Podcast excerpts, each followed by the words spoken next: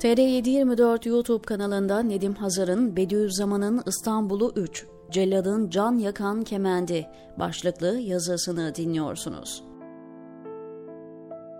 Doğu'nun yalçın kayalıklarında herkesin arzu ettiği konforlu bir hayatı bırakıp memleketin kalbi olan İstanbul'a gelen ve Bediüzzaman lakabıyla anılan Said Nursi, döneme göre çok büyük idealler ve hedeflerin peşindeydi.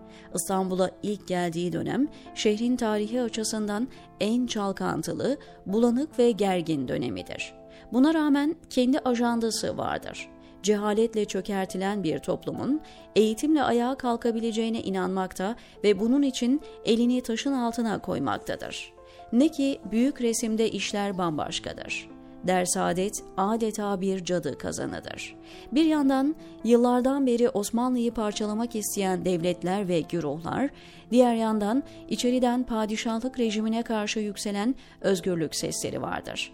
Buna bir de toplum içindeki elitin iktidar arzusu eklenince İstanbul, Bizans döneminden daha kargaşalı bir hal almıştır. Padişah, azınlık bir grubun elinde adeta esirdir. Bediüzzaman henüz 30 yaşında gencecik bir mollayken geldiği İstanbul'da saraya ve halifeliğe büyük bir hoşgörüyle bakar. Ancak durumun hiç de zannedildiği gibi olmadığını kavraması uzun sürmez. 3 yıl içinde pek çok makale yayınlar ve bu makaleleri incelediğimizde eleştiri dozunun giderek arttığını görürüz. Ömrünün zekatını Ömer bin Abdülaziz gibi sarf et. Ta ki biatın manası gerçekleşsin. Meşrutiyeti kansız kabul ettiğin gibi yıldızı da mahbubi kulub eyle. Zebaniler gibi hafiyeler yerine rahmet melekleri olan alimlerle doludur. Yıldızı Darul Funun gibi yap.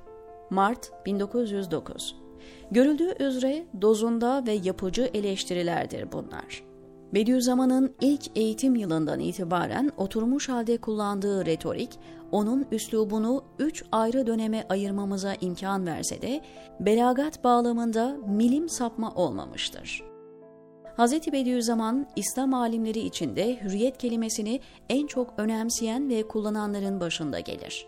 Mottoya dönüşmüş olan ekmeksiz yaşarım, hürriyetsiz yaşayamam cümlesi ona aittir cadı kazanına şöyle bir göz atalım. 1908 yılında ikinci meşrutiyetin ilanıyla birlikte Osmanlı Devleti'nde yeni bir siyasal yapılanma ve yeni bir zihniyet yapısının yanı sıra bu yeni zihniyetten rahatsızlık duyan bir kesim ortaya çıkmış, gerek sivil toplumda gerekse ordu içinde artan kutuplaşma ve gerginlikler isyan ortamı doğurmuştu. Meşrutiyeti ilan etmiş olmasına rağmen iktidarı tam olarak ele geçirememiş olan ve hükümet üzerinde dolaylı bir denetim kuran İttihat ve Terakki Cemiyeti'nin devlet kademelerinde kadrolaşması politik istikrarsızlığa yol açmıştı. Cemiyetle ters düşen memurların görevlerinden uzaklaştırılmaları, cemiyete girdiğini ispat için yemin etmeyenlerin tutuklanması, farklı siyasi oluşumlara hayat tanınmaması huzursuzluk nedeniydi. İttihat Terakki'yi ve hükümeti eleştiren gazetelere hatta bu gazeteleri satan bayilere baskı uygulanması isyan ortamını doğuran uygulamalardandı. Bu ortamda meşrutiyetin ilanından birkaç ay sonra İstanbul'da din elden gidiyor mantığıyla bir takım küçük ayaklanmalar meydana geldi ancak kısa sürede bastırıldı. Ekim 1908'de Fatih Camii'nde Kör Ali ve İsmail Hakkı adlarında iki hocanın arkasına takılan halkın Yıldız Sarayı'na kadar gidip meşrutiyet aleyhine gösteriler yapmaları bu isyanlardandı. İttihatçıların organize hareketlerine karşı sarayı elinde tutan güruhun da hamleleriydi bunlar. Bir strateji savaşı yaşanıyordu adeta. Nitekim çok geçmeden gerginlik Osmanlı ordusuna da sıçradı. Bir önceki yazıda da belirttiğimiz gibi Mustafa Kemal'in Selanik'e tayinini çıkarıp teşkilata üye olması aslında ordu içinde çok büyük bir hareketlilik de vardı. Tiyatro basmalar, askerlik süresi uzatılınca erlerin isyanı, zuhafa alayı meselesi oynanan ölümcül satranç oyununun hamleleriydi. Bu dönemde Volkan ve Mizan gibi gazetelerin yayınlarında kullandıkları üslup İttihat ve Terakki'nin uygulamalarından zarar görenler üzerinde etkili oluyordu. Derviş Vahdeti'nin çıkardığı Volkan gazetesi bu anlamda oldukça hırçın ve kışkırtıcı bir dil kullanırken, bu mefkutelerde makalesi yayınlanan Bediüzzaman'ın alabildiğine dengeli bir üslup ve pozitif retorik kullandığına şahit oluyoruz. Ancak bir yandan saraya ulaşmak için zorlayıp saray bürokrasisinin persona non grata ilan ettiği Nursi, diğer yandan her ne kadar üslubuyla farklı olsa da Derviş Vahdeti grubundan sayıldığı için iddiatçıların da radarındaydı. Üstad ülke meselelerinin içinde boğuşurken dahiliye nezaretine şöyle bir mektup gelir. Dahiliye nezareti celilesine Van ulemasından olup derzadette bulunan Molla Said Efendi'nin memleketine avdet etmesi için harcırah olmak ve kendisine verilmek üzere ba irade-i seniyeyi Hazreti Padişahi ihsan buyurulmasıyla makamı nezareti celilelerine irsal kılınmış olan 2000 kuruşu mumaile Molla Said Efendi kabulden istinkaf eylemesine binaen meblağ mezbure memura tevdian nezareti celileleri veznesine iade edildiğine Nezareti Aczi Evrak Müdürlüğü'ne evvelce bunun için verilmiş olan makbuzu ilmi marzisinin irsali hususunda 16 Ağustos 1324'ten 1923'e kadar Osmanlı'da lira, mecidiye, kuruş, para kullanılırdı. 5 mecidiye 1 lira, 1 lira ise 100 kuruştu.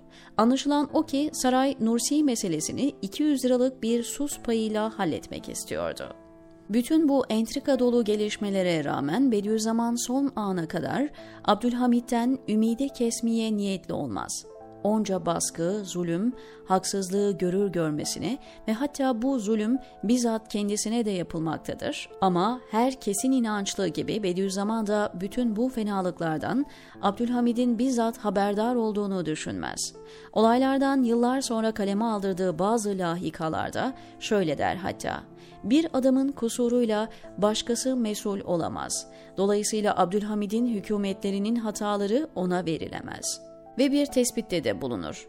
Abdülhamid'in mecbur olduğu istibdat, meşrutiyetten sonra ise konumunu daha da netleştirir. Eğer meşrutiyet ittihatçıların istibdadından ibaretse ve şeriata muhalif hareket etmek demekse, bütün dünya şahit olsun ki ben mürteciyim.